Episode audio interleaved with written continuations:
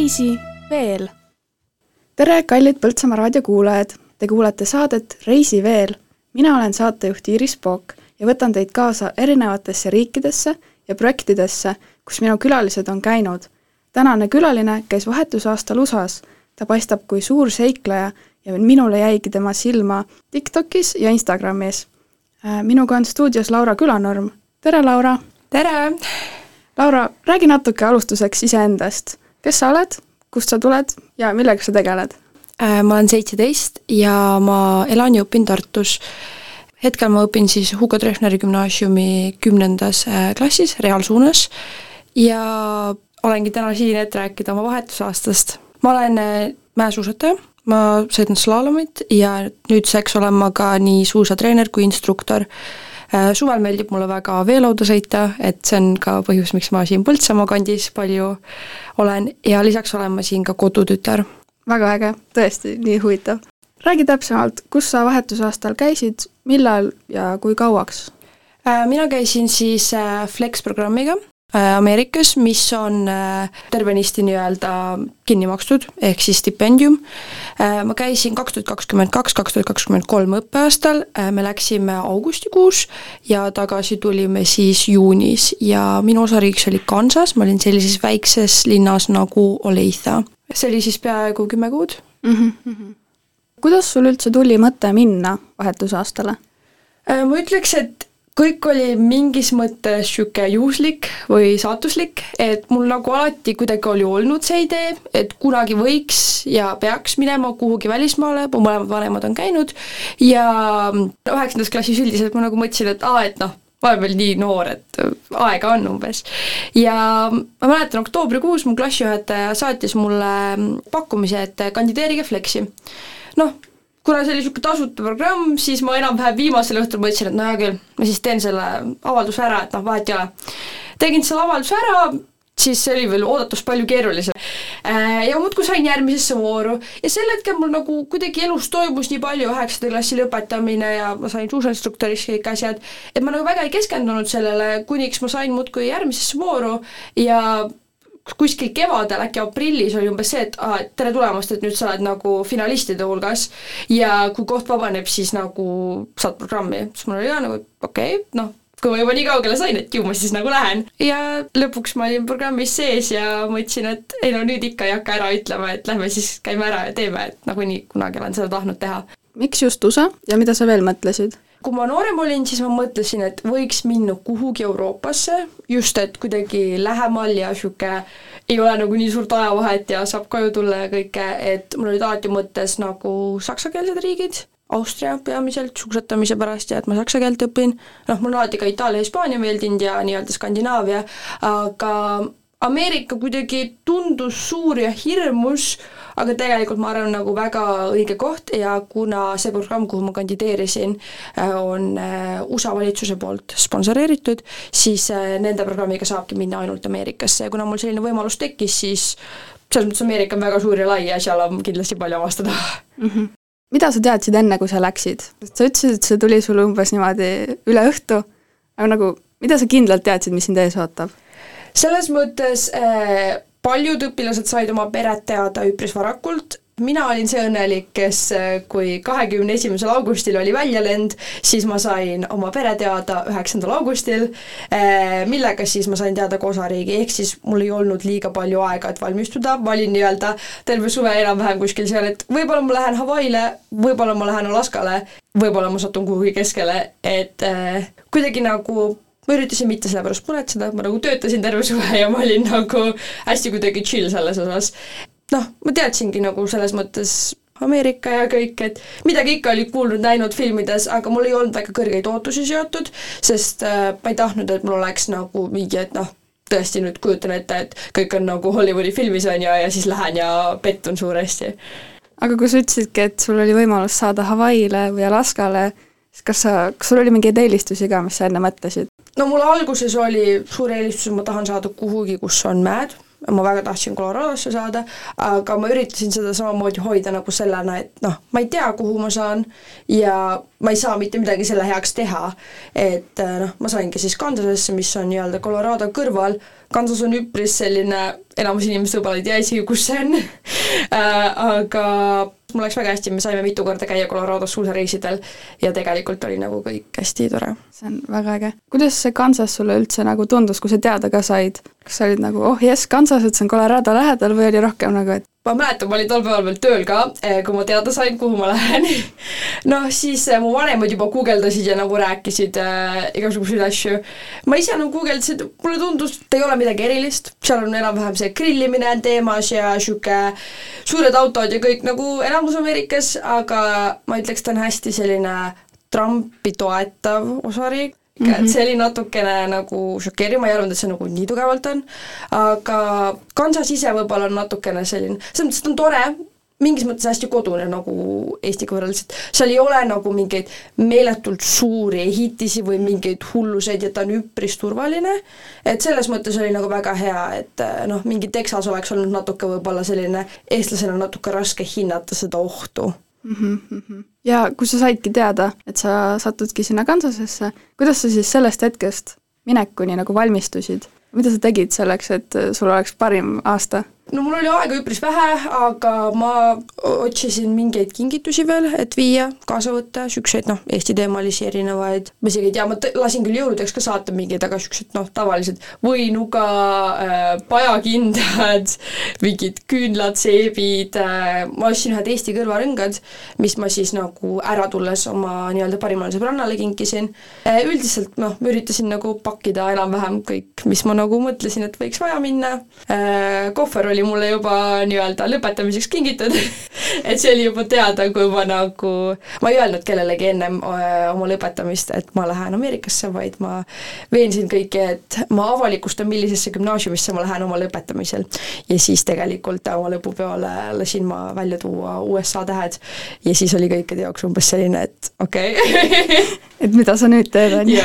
ma ei osanud selleks kuidagi väga palju valmistuda, pigem oli nagu see, et kõikidega nagu mõnusalt aega veeta, head aega öelda, kõik vajalikud asjad osta, mida ma arvasin, et mul võiks nagu vaja minna, aga üldiselt see ei ole nagu midagi nii ekstreemset, et nagu noh, mida sinna kaasa võtta, ma üritasin võtta ikka niisugused oma igapäevased asjad kaasa, et kui mul tõesti ongi see lemmikpusa, siis ilmselt ma tahan seda ka Ameerikas kanda. Kas sul tuli ka mingeid ootamatusi ja segadusi ette, kas siis minekul või enne seda? Selles mõttes kogu aasta vältel oli kindlasti päris mitmeid, aga otseselt nagu midagi väga valesti ei läinud, et kõik oli kuidagi nagu ületatav mm. -hmm. et jõudsid igale lennule ja kõike muud sellist asja? et äh, Flexiga koos selles mõttes me läksime juba nagu, me läksime vist pühapäeva õhtul, kui ma ei eksi, Tallinnasse, siis me olime seal nagu hotellis, kuna Flex ise kartis väga palju äh, Covidit, siis meid testiti kõike ja kõik niisugune, meil oli seal õhtusöök ja me pidime oma tubades püsima ja siis öösel, me olime lennujaama kõrval hotellis, et siis oligi nagu vanematega ütlesime head aega sinna hotelli minnes, siis jäime sinna paariks tunniks ja siis nagu öösel läksime kõik koos, meil oli reis reisisaatja, kellega koos läksime siis lennujaama, siis lendasime, me käisime vist Frankfurti oli äkki esimene lend ja seal me kohtusime siis teiste Balti riikidega, kellega meil oli samuti siis saatja kaasas kuni Washingtonini. siis me lendasime Washington DC-sse kõigepealt, siis seal enam-vähem tehti mingid vajalikud protseduurid, me olime seal ka ööhotellis vist ja siis hommikul lendasime kõik, no siis me lendasime küll nagu üksinda eh,, kuhu siis keegi, aga kuna minu esimene lend oli Chicagosse, siis sinna lendasid veel paljud ja seal oli nii-öelda reisisaatja vastas mu viimane lend nii-öelda Kansasesse hilines Chicagost mm -hmm., noh, ma ise olin nagu hästi rahulik, mulle tundus, et see koordinaator või see reisisaatja, tema nagu oli natuke ärevus, ta tuli tagasi, ta ikka muretses, et kas ma ikka saan sinna lennu peale ja kõik, aga kuidagi mu enda jaoks oli nagu, et okei okay.. kuigi kui ma kohe, kui ma lennujaama jõudsin äh, Kansases, siis äh, mu vahetuspere oli mul vastas, kuna neil on neli väikest last, siis kaks tükki olid kaasas. ja neil oli tehtud see suur selline ameerikalik niisugune silt, on ju, et mm -hmm. welcome, Laura äh,, aga nad hoidsid silti valepidi ja eh, see ema kirjutas mulle, et ta ei suuda parkimiskohta leida, aga et lapsed on sees. noh, kui sa Eestist tuled lennujaamas, siis kõigepealt sa võtad oma pagasi ja siis on see, kus sa kohtud inimestega. aga seal oli vastupidi ja ma ei osanud seda oodata, sest et ma kõndisin säravatest läbi, mõtlesin, et okei okay,, et nagu enne ma ei pea kellegagi kohtuma, et ma lähen üritan kiiresti oma kohvrid leida, on ju. ja nad nagu seisid seal nuka peal, ma korraks nagu vaatasin neid lapsi, aga ma ei osanud ju kohe öelda, et need need lapsed on, on ju. siis ma kõndisin neist suure hooga mööda, läksin neid kohvreid võtma ja siis, siis nad kirjutasid mulle, kuule, et me ei tea, et sa vist nagu kõndisid meist mööda, aga nagu me ei ole päris kindlad, aga ma ikkagi leidsin nad ülesse. aga see oli natukene niisugune naljakas hetk alustuseks. jaa, kindlasti. aga kui palju üldse läks Eestist noori ehm,?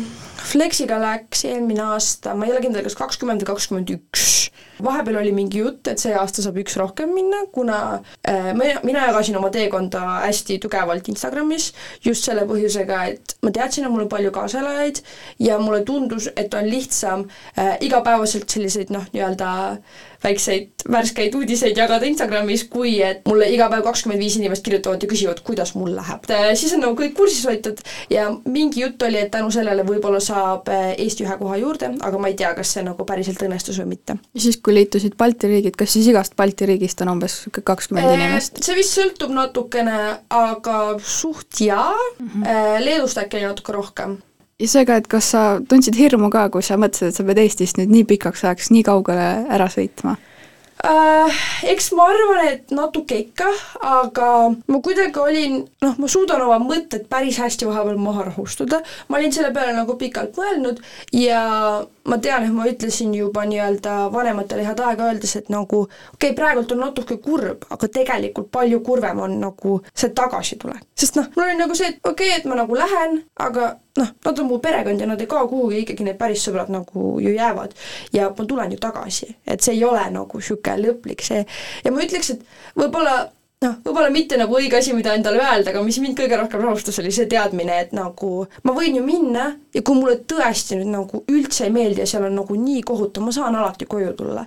Kuidagi ei olnud nagu sellist väga suurt hirmu ja noh, see teadmine, et nagu sa saad, no tänapäeval on FaceTime, kõik asjad, on ju, et nagu tegelikult kõik on ikkagi olemas ja kõik on nagu hästi. et ma olin pigem ka elevil ja no ma olen ennem ka reisinud, siis äh, ei tundunud algus nagu nii hirmutav, et kui ma jõudsin, siis oli lihtsalt niisugune nagu, ma mäletan, esimene kas hommik, ma vist läksin basseini äärde ja mul oli nagu niisugune huvitav emotsioon nagu, et noh, nagu oled reisil, aga nagu tagasilendu ei ole või nagu kus see nagu pilet on ja nagu, et okei okay,, nagu hästi tore puhkus hakkas, aga nagu kuidas ma nüüd siin nagu kauaks ma siin olen ja miks ma siin üksinda olen, aga samas nagu niisugune mõnus tunne, et aa, okei. Okay.. sa kirjeldasid, kuidas sul nagu esimesed päevad olid, aga kuidas üldiselt, kas oli võõras või sa harjusid ära ja oli niisugune kodune lõpuks?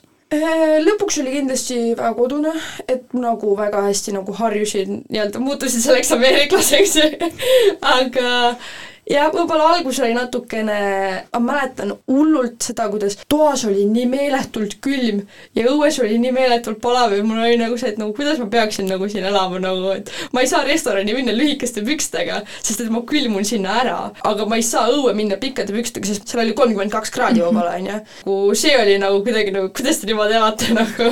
Neile vist väga meeldis see air conditioner. jaa, väga yeah.. ja minu tuba oli keldrikorrusel mm, -hmm. selles mõttes see kõigi kolme või noh, minu ja kahe mu nii-öelda host'i äh, toad olid keldrikorrusel ja need tüdrukud ei võtnud aasta jooksul kordagi kardinaid eest, mis minu jaoks oli nagu eestlasena kuidagi suured aknad ja palju valgust toas on nagu nii loomulik. Nende jaoks on niisugused, ei, miks ma peaks valgust tuppa laskma, ma panen tule olema. Okay.. et noh, mingid, mingid asjad olid hästi nagu selline, et okei okay,, et nagu mida te teete? Jaa. Sa rääkisid, kuidas sind lennujaamas vastu võeti, aga kui sa kooli läksid, kuidas sul seal oli? Vastuvõtt ja muu? Äh, ma võib-olla siinkohal mainin ära, et mul oli siis äh, vahetuspere, kes oli äh, ema, kes oli jurist, isa, kes oli siis Ameerika nii-öelda selles kaitseväes ja ta tegeles ka mingi ravimifirma mingi asjaga. Ja siis neil oli neli last, kellest kõige vanem oli kaheteistaastane poiss ja kõige noorem oli kuueaastane poeg. Ja kaks keskmist olid siis tüdrukud. ja nad kasvatasid kuldseid retriivereid Neid kasvatatakse niimoodi, et äh, seal, neil oli garaažis nende jaoks mingi koht ja siis tagahoovis mingi koht, et nad üldse ei elanud tegelikult nagu maal, äh, siis neil oli alguses ka veel lind, kes küll, ma ei tea, kas ta jäi vanaks või mis iganes, igatahes keset aastat ta mingi hetk suri ära aga neil oli selline suur ameerikalik perekond, kes tegeles kõige ja kõigiga ja seal toimus kogu aeg ja väga palju. ehk siis äh, nad küll toetasid mind väga palju, aga neil ei olnud tegelikult enda elu kõrval liiga palju aega, et minuga tegeleda, äh, seepärast ma olen hästi tänulik ähm, oma vahetusema õele, kes on küll ka jurist äh,, aga tal oli väike beebi ja ta elas meist mingi pooleteise kilomeetri kaugusel samas naabruskonnas, ehk tema juurde oli võimalik kõndida, kes tegelikult enamus ajast minuga koos siis nagu käis igal pool, sest kui ma tahtsin kooli minna, siis tegelikkuses, okei okay,, ma sain hommikul koolibussiga ja õhtul tagasi koolibussiga, kui mul vajadus oli, aga mul ei olnud mitte mingit muud varianti. ma läksingi kohe järgmisel päeval äh, koolimajja, kuna seal on kõikidel individuaalne tunniplaan, siis mul aidati nagu koostada, noh, millised tunnid ma siis tahan ja kõike seda, ja see oligi lihtsalt selline nii-öelda kohtumine. Ja seal oli segadus kohe sellest, et äh, tegelikult pidi minu asemel sinna peresse minema üks Eesti tüdruk nimega Victoria, ühe teise programmi kaudu, aga tal lõpuks nagu mingid asjad ei õnnestunud ja siis nad võtsid hoopis minu.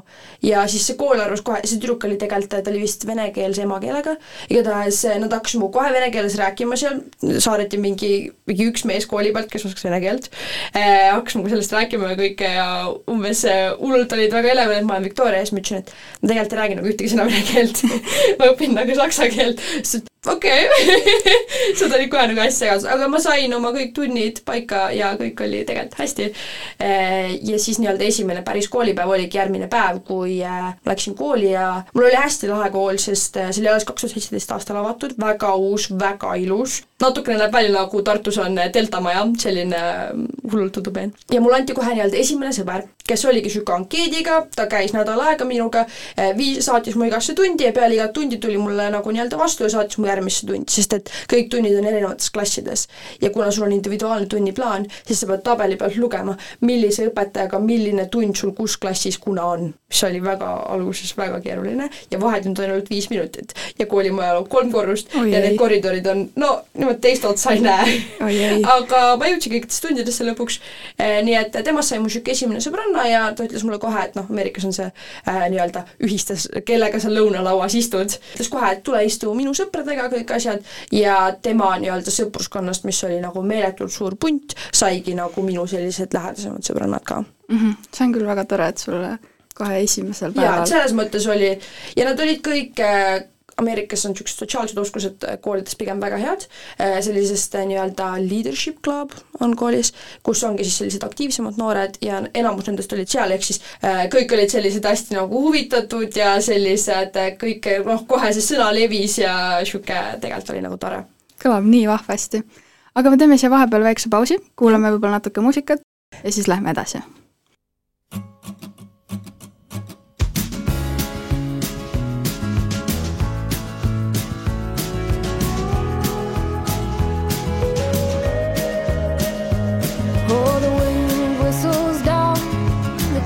Street tonight, and the people they were dancing to the music vibe, and the boys just the girls with the girls in their hair, while the shouting men who just sit way over there. And the songs they get louder, each one better than before. And you're singing the songs, thinking this is a life. And you wake up in the morning and your hip is twisted sides. Where you gonna go? Where you gonna go? Or where you gonna sleep tonight? And you're singing the songs, is a life. And you wake up in the morning and your hip is twisted sides. Where you gonna go? Where you gonna go? Where you gonna sleep tonight? Where you gonna sleep tonight?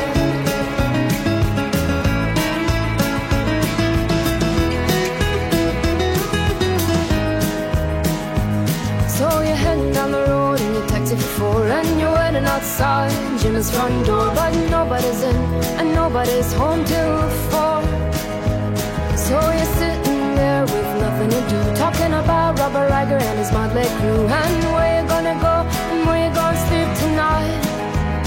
And you're singing the song, thinking this is a life. And you wake up in the morning and your head feels the stars. Where you gonna go? Where you gonna go? And where you gonna sleep tonight? And you're singing the song, thinking this is a life. And you wake up in the morning and your head feels the stars. Where you gonna go? Where you gonna go? And where you gonna sleep tonight?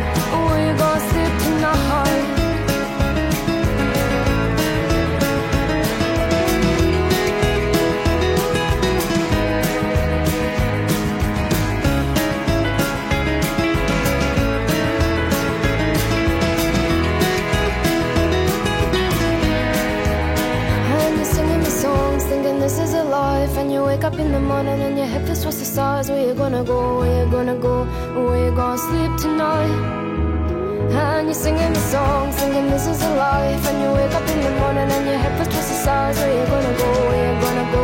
And Where you gonna sleep tonight? And you're singing the song, singing this is a life. And you wake up in the morning and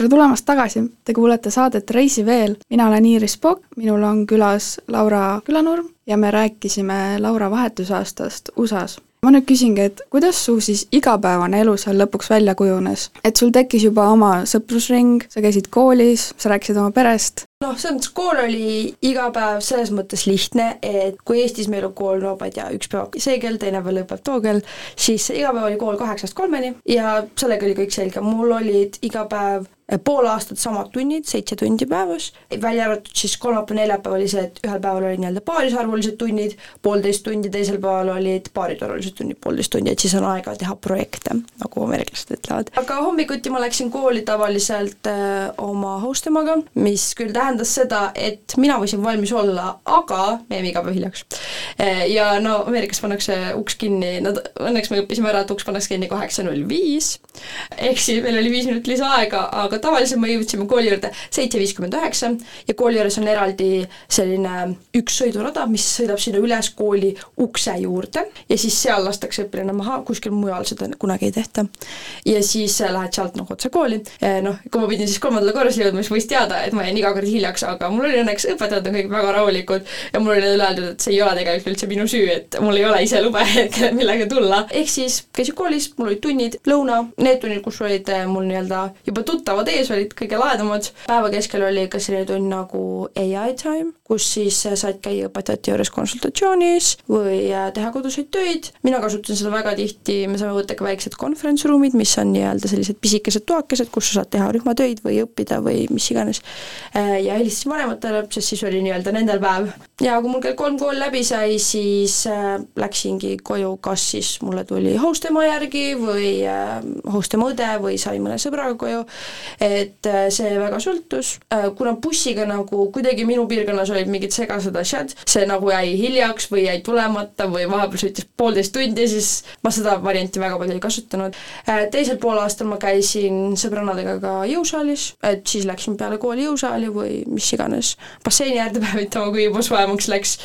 ja õhtul enamasti olingi perega, tegin lastele vahepeal süüa, kuidagi eestlasena nagu mulle meeldib päris õhtusöök, et nende jaoks oli nagu väga okei okay,, et selles mõttes igaüks otsib, mis ta saab ja sina teed pakist mac and cheese'i ja keegi teine sööb nachosid guacamolega ja meil on juba väga hästi, on ju, et äh, selles mõttes nad väga kiitsid mu toite ka muidugi, et see oli see oli niisugune huvitav. ja hästi tihti peale kooli on nagu mängud, jalgpallimängud, korvpallimängud, kõik asjad, mida käiakse siis vaatamas, need on põhimõtteliselt äh, alati äh, mingi teemaga, näiteks riietud üleni musta või mingi äh, Halloweeni teemaline, jõuluteemaline, kõik asjad. et siis see oli ka selline, mis võttis palju aega. Ja siis selline nagu running errands on siis äh, asju ajama, kogu aeg on vaja asju ajada, ameeriklastel kogu aeg on vaja asju ajada siis ma käisin hästi tihtipeale, kui oli nagu oma selle vahetusemaga, siis ma ei tea, poes äh,, Starbucksis äh,, niisama ta töö juures mingi, lihtsalt mingi no täiesti suvalisi asju tegemas. Lähme käime selles poes, selles poes ja selles poes, siis lähme käime Kaltsukas ka veel ja lähme käime veel kuskil ja siis lõpuks jõuad koju ja kell on üksteist mm. -hmm. aga kas sul tekkisid mingid muud hobid veel? Äh, oligi, ma käisin jõusaalis äh, nendel pallimängudel, mis võttis päris palju aega ära ja ma olin koolis sellises klubis nagu Forensics või noh, see oli klass või nii-öelda tund. ma valisin selle niisuguse noh, kuidagi sõbranna kutsus, et tule. Äh, see on siis etlemine, näitlemine, debatt, aga seal olid iga nädalavahetus võistlused, kus sai siis käia. ma käisin äkki viis korda, midagi sellist, et äh, mina tegin siis sellist üpris lihtsat ala või noh, ma ei ütleks, on lihtne ala, aga teda hästi teha on väga raske, aga teda nagu üldiselt lihtsalt teha ei ole nii keeruline, et ma tegin äh, nii proosateksti kui luuletust ja sellist natukene nagu näitletada seal ja niisugune ettekandmine ja ma olin ka õpilasesinduses, mis mis oli siis iga teisipäeva õhtu, mis oli tegelikult äh, hästi tore. kõlab nii lõbusalt, sul oli nii palju tegemist seal. aga millised peamised erinevused sa Eestiga välja tooksid siis? no ma ütlekski, et kindlasti kogu see keskkonnateema, mu pere näiteks sõi väga tihti papptaldrikutelt. oligi, neil oli ikka selline korralik torn neid ja mulle üldse ei meeldinud papptaldrikutel süüa, ma üritasin alati tavaliselt süüa. ja kogu aeg oli probleem selles, et kes teeb nõud, sest et nad kuidagi, need lapsed nagu viskasid need nõud sinna kraanikaussi ja siis jätsid need sinna ja siis need, oli seal selline kuhi, on ju, noh, võiks siis masinasse panna. noh, mina sõin tavaliselt taldrikut, panin alati ära, aga noh, see keskkonnateema, no nagu ei saa aru sellest, et et see papptaldrik iga kord, noh, võib-olla ei ole vaja, on ju, nad võtavadki iga võileiva jaoks uue papptaldriku ja siis viskavad selle ära. või samamoodi näiteks, et no meil käis prügiauto vist kaks või kolm korda nädalas ja meil oli nagu kolm suurt prügikasti. et nagu kui sa viskadki selle piimakanistri iga kord prügikasti, see ongi samamoodi näiteks, nad joovad ju hullult palju kõike mingitest äh, pudelitest, on ju. noh, ikkagi kastide kaupa on äh, Pepsit ja ma ei tea, mulliga vett ja mis iganes asju, kõik see läheb prügikasti. et kogu see keskkonnateema nagu alguses oli see väga häiriv, siis mis mind veel väga häiris, oli äh, kuidas ameeriklased söövad kätega. Mm.. ma ei tea, kas see on minu kiiks või nagu eestlasena me oleme kuidagi nagu tõesti harjunud sööma noa ja kahvliga, et nagu mingeid asju, okei okay,, no ma saan aru, et sa võib-olla võtad selle pitsatüki kätte, mulle meeldib seda kahvli ja noaga süüa, aga nagu nii paljusid asju nagu kuidagi kätega süüa, mulle tundus nagu tõesti nagu nii kohutav nagu näiteks mida? no kõike, selles mõttes, et ma nägin nagu neid, võtavad näiteks nuudleid kapist välja, nad ei hakka kahvlit vahepeal võtmagi, nagu vahepeal söövad lihtsalt niimoodi, mul oli nagu, et okei okay., õnneks see vist ei ole nagu kõikide, aga nagu noh, osade inimeste puhul ma nägin seda ja nagu keegi teine ei öelnud selle peale midagi, noh mulle tundus, et see on nagu tolereeritud või nagu, et enam-vähem tee, mis tahad, vaata okay.. ja siis noh, okei okay,, see keskkonnateema, kindlasti transpordi teema, et nagu üks asi, kas sa tahad minna kuhugi jala või bussiga, aga sul ei ole isegi väga varianti kui mu naabruskond saab läbi, siis ma jalutasin seal küll, naabruskond on niisugune kilomeeter ühele poole, kilomeeter teisele poole, seal on kergliiklustee, niisugune noh, kõndida on okei okay., ja siis äh, lõpeb, lihtsalt lõpp. nagu mitte midagi, lihtsalt murplats läheb edasi, sa said nüüd läbi. et nagu ma, ma ei saagi nagu mitte kuhugi minna, sest et mul saab lihtsalt tee otsa ja nagu ülejäänud teed on nii suured, et ma ei lähe sinna äärde kõndima, sest tõesti nagu kihutavad ja hullult palju nagu õnnetusi ja seda kõike, et nagu noh, autod on neil nagu elu. ja noh, talvel näiteks nad ei pane talvejoopes selga, sest nad sõidavad auto ukse ette, neil ei ole vahet. Neil ma ei tea, kas neil üldse talveõpped olid, nagu okei okay,, külmematussarid, ilmselt jah, aga et see oli kindlasti ja kuidagi nagu see, et kui sa nagu tahadki mingit sporti või midagi teha, siis see on nagu eraldi asi. et nagu ma Eestis olen harjunud, on ju, et noh, ma ei tea, mõtlen, et täna oleks vaja kuidagi ennast liigutada, okei okay,, ma lähen jalutan poodi ja jalutan tagasi, korras. saan seda kuidagi nagu oma igapäevaellu integreerida, siis nende jaoks on see, et okei okay,, no ma täna teen trenni, no ma siis lähen, sõidan autoga jõusaali, teen trenni ära, tulen tagasi. Yeah.. no kõik niisugused asjad. ja no see söömine üldiselt ka, et nagu söövadki nagu täiesti rämpsu, nagu mis koolilõunaks pakuti ka, on ju, et okei okay,, valikut oli, aga valikus on võib-olla burger ja siis on äh, krõpsud, pitsalõigud, kõik on nagu põhimõtteliselt niisugused valikud, okei okay,, seal on mingi salativalik kõrval, saad juurde võtta, aga kõik on ikkagi eestlase mõttes rämpstoit. ja peale kooli ameeriklane ikkagi läheb, käib nagu drive-in'is, tellib midagi kuskilt, alati on drive-in et.... ma loodan, et meie kuulajad siin väikest šokki ei saa sellest, tüüpilised eestlased. tõesti on kummaline kuulata, et meie jaoks on igapäevane see, et sa sõidad rattaga kooli hommikul yeah. või jalutad koju või midagi, aga kui pikk maa sul üldse kodust kooli juurde oli? Äh, mul oli mingi natuke üle viie kilomeetri ikka selles mõttes ta ei olnud väga hull, ta oli hommikul niisugune kümme minutit sõita, et ta oli tegelikult okei. Okay., aga jah, mu kooli ja kodu vahel oli niisugune suur järv, kus oli nagu väga lahedad need kõik nagu niisugused teerajaks asjad, kus sai siis nagu käia, aga no reaalsus oli see, et ma käisin seal paar korda, sest et sinna tuli, oli vaja, et keegi ikka autoga viiks, kuna noh, ma ei tule sealt selle suure tee äärest jala, et nagu nad ütlesid kõik selle peale, et nagu, et see ei ole nagu päris hea idee. et noh, isegi kui nagu rattaga tuleks, aga kuidagi sa ei näe mitte kedagi seda tegemas ja sulle tundub, et sa ka ei peaks seda tegema mm. -hmm. hästi huvitav on nagu selline see turvalisuse värk, et nagu mina alguses kuidagi noh, ma ei osanud sellele tähelepanu pöörata kui nagu mingi pauk käib, on ju, eestlane vaatab, oh, kellas viluklassika yeah,. Yeah. ma nagu nägin vahepeal, kuidas nagu kõikide reaktsioon oli nagu see, et okei okay,, kus vaata mida, et kas me nagu varjume mm -hmm. et õnneks nagu Kansas on hästi turvaline, aga hullult tihti näiteks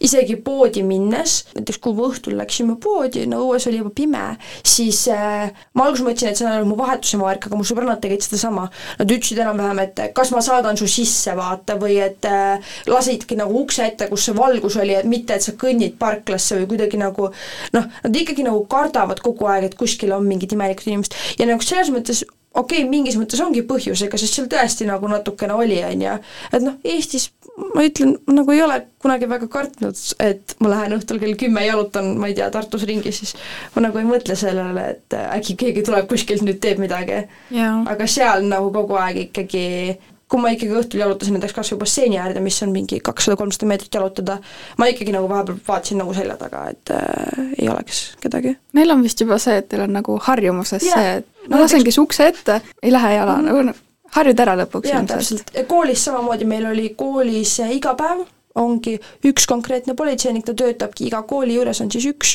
äh, muidu võib-olla mõnedes on kaks äh, või rohkem, kui suuremad koolid, aga meil oli siis kogu aeg see nii-öelda politsei, ta ongi täisrelvastuses, ta on kohal. kõik kooli uksed on lukus, sa ei saa sisse niisama, sa pead minema seal kontorist läbi, sul peavad olema need äh, hallway pass ja kõik, mis iganes. selles mõttes mina tundsin ennast koolis turvaliselt, kuna ma teadsin, et okei okay,, uksed on lukus, alguses oli küll nagu, et issand, nagu et miks politseinik kogu aeg koolis on, et nagu Eestis, kui ikka politseinik kooli tuleb, siis mõtled ikka, et küll midagi on kuskil väga halvasti, on ju. aga sellega nagu harjus nii ära ja see oli lõpuks nagu niisugune hea kindlustunne, et näed, nagu ta on ka siin, et küll siis tegeletakse, kui midagi juhtub mm. -hmm ja sa rääkisid siin uutest kogemustest ja asjadest, kas oli midagi nagu, midagi uut, mida sa proovisid, kas mingi söök, mingi hobi? Äh, no ma ütlekski, see nii-öelda forensics oli, sest ma olen alati olnud pigem reaalainete inimene, et see oli natukene selline, miks sa niisuguse asja võtsid vaata. niisugune mhm, kunstiline. jah, ja ma tegin ka hästi palju äh, nii-öelda tekkaineid seal, mis on siis äh, ma tegin fotograafiat esimesel perioodil ja teisel perioodil ma tegin äh, videograafiat ja veebidisaini, mis oli, mulle tegelikult hullult meeldis. midagi uut, ma ei tea, kas ma midagi uut süüa, no kindlasti mingeid asju proovisin. mulle ei meeldi väga hamburgereid, äh, nii et ma proovisin seal burgereid süüa vahepeal, aga see ei olnud kunagi mu valik aga no ma üritasin ikkagi nagu enamus asju proovida ja ma ei proovinud nagu väga palju mingeid niisuguseid väga harukordseid asju, mis ma ei tea, mingeid molluskeid ja jah okay., seda küll, jah. ja kas sa käisid ka mingitel reisidel ja väljasõitudel, sa mainisid, et sa käisid suusatamas äh, ja kas midagi veel? Oligi, me käisime Colorados kolm korda vist talve jooksul, ma õpetasin peres väiksemad lapsed ka siis meil suusatama ja kuna mu host ema üks õdedest elas Colorado lähedal, siis oli nagu hästi hea. lisaks me käisime Floridas, Disney World on see vist seal, seal hullult lahe, nagu ma ei olnud väga palju nende Disney filmidega kursis, aga tegelikult oli nagu hästi lahe niisugune teemapark. ja me käisime siis ühe korra ka Arizonases Phoenixis, kus siis äh, samamoodi üks nendest õdedest äh, elas. et me käisime seal lihtsalt aprillikuus enam-vähem niisugune, et et tal oli basseiniga maja, et saab basseini ääres olla ja puhata ja chill ida ja kõike seda.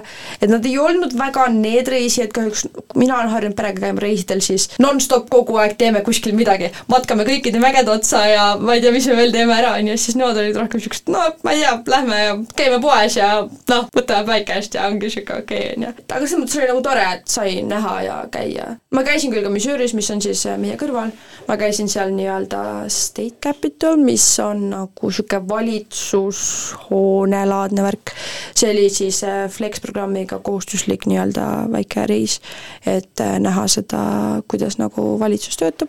Ja ma käisin seal ka ühel mingil niisugusel nädalavahetusel, kus me käisime ratsutamas. Et nad tegelesid ka hobustega, ma ah,, ratsutamine, ma ei ole tegelikult kunagi väga varem ratsutanud, niimoodi, et ma ise nagu hoiaksin hobust. see oli ka sihuke uus kogemus, esimest korda proovisin, kaks korda isegi käisin. Neil olid küll endal ka hobused, aga ma kunagi ei sõitnud hobustega vist, sest need olid kuidagi, need oli kogu aeg mingi keeruline lugu. ja ma pidin minema aasta lõpus peale oma lõpetamist oma Eesti perega ja mu onuga läänerannikule, sihuke Los Angeles, Las Vegas, kõik see, mul olid piletid ostetud, aga lõpuks mu organisatsioon ütles, et seal on mingi segadus ehk siis ma ei saanudki minna mm. -hmm. aga kas USA-s sees sa tahtsid veel kuskile minna? Äh, ma tegelikult tahtsin minna New Yorki, meil oli see nagu natukene niisugune plaanis, aga lõpuks kuidagi me ei leidnud nagu seda õiget aegnädalavahetust, et minna oleks pidanud nagu kuskil varem ära käima või selline.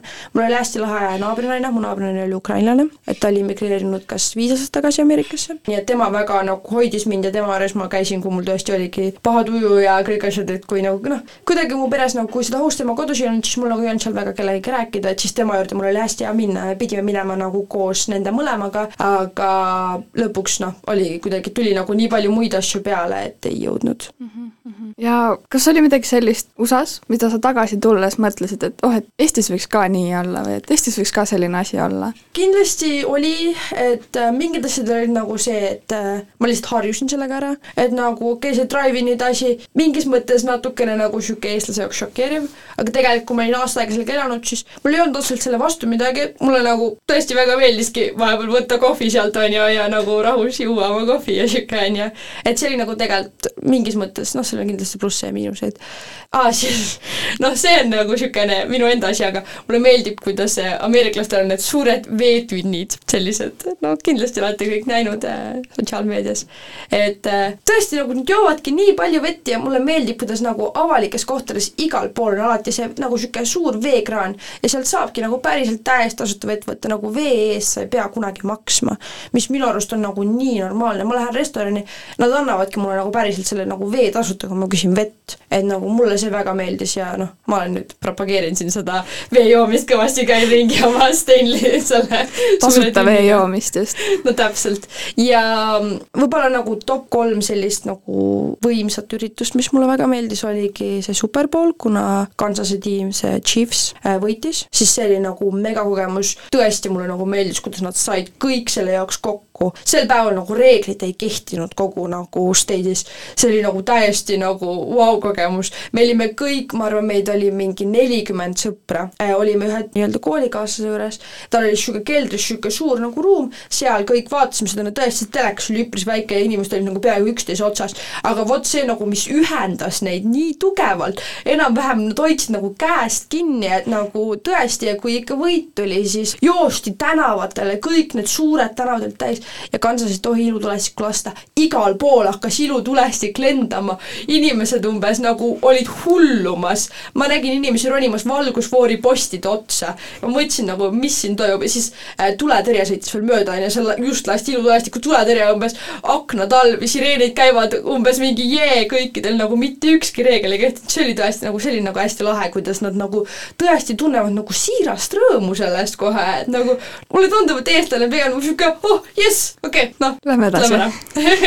ja samamoodi promm oli, okei okay,, Treffneris käies nüüd äh, pall on natuke sarnane, aga promm on seal rohkem niisugune äh, noorte moodi nagu tehtud, on ju, et seal ei ole, nagu sa lähed küll selle paarilisega ja see kogemus oli mega-mega lahe, ma läksin sõprusgruppi, kus meid oli kaheksakümmend inimest, sõprusgrupis, mu koolis oli tuhat viissada inimest vist. ja me ei saanud restorani minna enne, ehk siis me tegime pildid ja me tellisime catering'i, siis Clubhouse'i, mis on siis mingi, ma ei tea, mingi kogunemiskoht. vanemad siis nagu olid ka seal, aitasid nagu mingeid asju, siis äh, meil oli tellitud äh, kaks peopussi, mis olid äh, roosad ja siis enam-vähem seal on siis terve aeg niisugune disko käib, siis minnakse sinna prommile ja siis seal on see tants, kõik asjad ja siis nagu pärast siis nagu tagasi. see oli ka nagu hästi lahe näha, kuidas nad nagu, nad võtavad ikka nagu suurelt ja tõsiselt nagu seda, et noh, kuidagi nagu ikka terve päev on nagu selle peale ära. ja sama äh, oli lõpetamisega, lõpetamise nagu see nädal oli hästi lahe, et äh, kuidas nagu suurel jalgpallistaadionil, no päriselt nagu filmis ikkagi see, kogu see kostüüm on seljas ja selline selline, istud seal, ootad ja siis noh, ta ta on küll hästi vähe personaalne, sest kui sul on nelisada kakskümmend lõpetajat oli vist minu aastal, siis äh, noh, tehakse need kõned ja kõik asjad, lõpuks on nagu, lastakse järjest tähestiku järjekorras kõik need nimed, siis kõik lähevad sealt järjest üle. no mina ja üks vahetusõpilane oli veel Saksamaalt äh, mu koolis, meid siis kutsuti nagu eraldi, kuna me ei saanud nii-öelda lõputunnistuse, me saime sertifikaadi, et tore, et tulite ja kõik selline, on ju. aga noh, kogu nagu see lõpetamise möll oli ka nagu tegelikult hästi lahe. ja noh, okei okay,, minu sõprusgrupp olid sellised pigem keskmisest jõukamad inimesed, aga hästi lahe oli nagu, kuidas kõikidel oli lõpupidu. kõigil oli eraldi lõpupidu või näiteks kahe-kolme kaupa, terve maikuu. ja ma käisin nagu sellistel pidudel, et ma ütlesin nagu mõne peo kohta, et teate, mu vanemate pulmad ei olnud ka nagu nii uhked. seal oli nagu, ma käisin ühel, kus oli näiteks, äh, seal olid võetud dekoraatorid, neil oli aias bassein, siis neil oli bassein ära dekoreeritud, neil olid kõik roosad mingid taustad ja kogu teema oli roosa-kollasega, ehk siis söögid olid roosa-kollasega, no kõik oli tõesti nagu ma ütlesin, no et okei okay, et nagu see oli noh, ameeriklane võtab ikkagi tähistamist tõsiselt ja väga suurelt, et see on nagu hästi lahe näha. ehk siis see lõpetamine oli nagu, ma ei tea, kuidas neil see koolisüsteem on, nagu mis osa sa lõpetasid sellest äh, koolisüsteemist või kuidas see toimib? mina käisin äh, high school'is mm, -hmm. mis on üheksa kuni kaksteist -hmm. ehk siis see on äh, freshman on siis esimene aasta ja senior on siis kaheteistkümnes klass ja mina olin seal siis äh, senior just selle mõttega, et äh, okei okay,, vanuse poolest nad olid kõik äh, kaheksateist ja ma olin kuusteist sel ajal, aga nad panevad hästi tihti vahetusõpilased sinna nii-öelda lõpuklassi just sellepärast, et me saakski näha seda lõpetamist, kogeda seda prommi, kõike seda, et muidu noh, lihtsalt nagu ei saa kõik sinna minna, on ju. ja selles mõttes, et eurooplane on ikkagi pigem tark, ehk äh, kaheksateistaastastega seal nagu ei ole nagu nii hullu. kuigi see on tõesti, ameeriklaste sotsiaalsed oskused on väga-väga head eurooplane arvab, et ta teeb nalja. ameeriklane vaatab sind kurjalt, sellepärast et see oli mingit moodi rassistlik või midagi sellist. Nad on väga-väga tõsised selles osas. noh, tõesti nagu niisugust rassismi asja, niisugust nagu üldse ei tolereerita ja hästi palju nagu ongi noh, et sul võibki olla nagu oma arvamus, aga see peab olema nagu sa ei tohi mitte kedagi mitte kuidagi riivata, et nagu see oli tõesti mulle nagu väga meeldis, no oligi nagu koolikiusamist ka näiteks nagu noh, mitte ainult õpetajad, aga õpilased olid kohe nagu umbes sellised, et mis mõttes nagu, see ei ole okei okay.. ja nagu see, kuidas nad nagu sotsiaalselt nagu oskavad suhelda ja kõik, et see oli nagu hästi, nagu hästi vahva mm. -hmm. Et sa arvad, et äh, Eesti peaks selle koha pealt veel arenema, on ju? Äh, selles Või? mõttes jaa, et ma arvan, et Ameerika koolisüsteem propageeribki rohkem seda, et äh, sa saad noh, valida, on ju, kui raskeid aineid sa õpid ja mis iganes, noh, kui targaks sa lõpuks saad, et sul on võimalik, et sa reaalselt lohisedki sealt läbi ja sa saad oma kraadi kätte sa tegelikult ei õppinud mitte midagi. sul on võimalik võtta kõik advanced klassid, ehk siis sa oled lõpuks mingi hull geenius, lähed, lähedki Cambridge'i ja sinna edasi, on ju, äh, või mis iganes äh, seal kõik on. aga nende koolisüsteem ei ole nagu noh, kui ma Eestis istun ja kirjutan matemaatikat üksinda laua taga, siis seal põhimõtteliselt iga tund me teeme kuskilt kellegagi mingi rühmatöö ja kuna ma olen igas tunnis täiesti erinevate inimestega, siis ma pean õppima nagu suhtlema ja kõigiga läbi saama. ja ma arvan, et tänu sellele neil on nagu väga head, ongi noh, nad oskavad korraldada ja olla ja nagu teha, kindlasti noh, seal on neid ussitajaid ja kõike, on ju, noh, see on nagu, sa ei saa sellest lahti. aga nagu tõesti, kuidas nad nagu sotsiaalselt nagu käituvad, see on nagu mingis mõttes väga vahva et nagu, kui sa pead tõesti nii palju rühmatöid tegema ja kõike seda, seal on nagu niisuguseid ülesandeid, mille peale nagu ma isegi ei oleks kunagi tulnud. et siis see on nagu hästi lahe. nii tore on kuulata sind, sul lähevad ka silmad särama, kui sa räägid oma vahetusaastast. aga kui keegi kaalubki nüüd minna vahetusaastale, mis sõnumi sa talle annaksid? selles mõttes ma arvan, et see on niisugune üks kord elus kogemus, et kindlasti minna ja nagu täpselt see, et tegelikult karta ei ole mõtet, sest kui ongi väga hirmus ja väga kole, siis saad koju tulla. aga mina ikkagi nagu mingis mõttes igatsen iga päev tagasi, et ma olen nagu õnnelik, et ma olen kodus ja kõik on nagu hästi, aga see nagu mälestus ilmselt on mul nagu kaheksakümneaastaselt ka, et vot, siis oli noor ja oli nagu niisugune tore, on ju. selles mõttes see on nagu sada protsenti väärt seda ja nagu nautida nii palju, kui sa saad, et minu kõige raskem aeg oli nagu detsembris, kui äh, noh, ma olin haige alguses, ma ei saanud väga palju sõpradega olla ja see nagu sellise hetk, kus ma tundsin, et see ei ole minu pere, ma mäletan äh, ennast nutmas kolmekümne esimesel detsembri õhtul, kus ma nagu ei teadnud täpselt nagu, mida ma tahan. Ja mul oli see, et ma tahan lihtsalt koju. aga see oligi nagu see, et kus ma nagu, okei okay,, ma sain sellest lõpuks üle, sest et ma saan aru, et tegelikult mida ma tahan, on ma tahan aastavahetusel olla kodus ja oma perega aga see, kui ma praegult koju läheksin, ei aitaks. ehk see läks nagu mööda ja nagu vahetusaasta teeb sind väga-väga palju tugevamaks ja seal on sa pead tegema, pidama endaga neid võitlusi, mida sa mitte kunagi ei arvanud, et sa oleksid pidanud pidama ja sa õpid enda kohta selliseid asju, mida sa kunagi ei teadnud, aga lõpuks sa tuled tagasi, sa tead ennast paremini, sul on kõik palju ilusam, toredam ja sul on äh, sõpru üle maailma ja see tõestab natukene ära ka selle, et äh, mis siis päriselt oluline on ja kes sind kodus tagasi ootavad, et selline minu jaoks oli see puhas leht ja värske algus, mida mul väga vaja oli, et äh, see oli kindlasti väärt seda oli nii tore kuulata, Laura, nii ilusad sõnad siia lõppu. aga aitäh sulle tulemast ja see oli saade Reisi veel ja kohtume juba järgmine kord.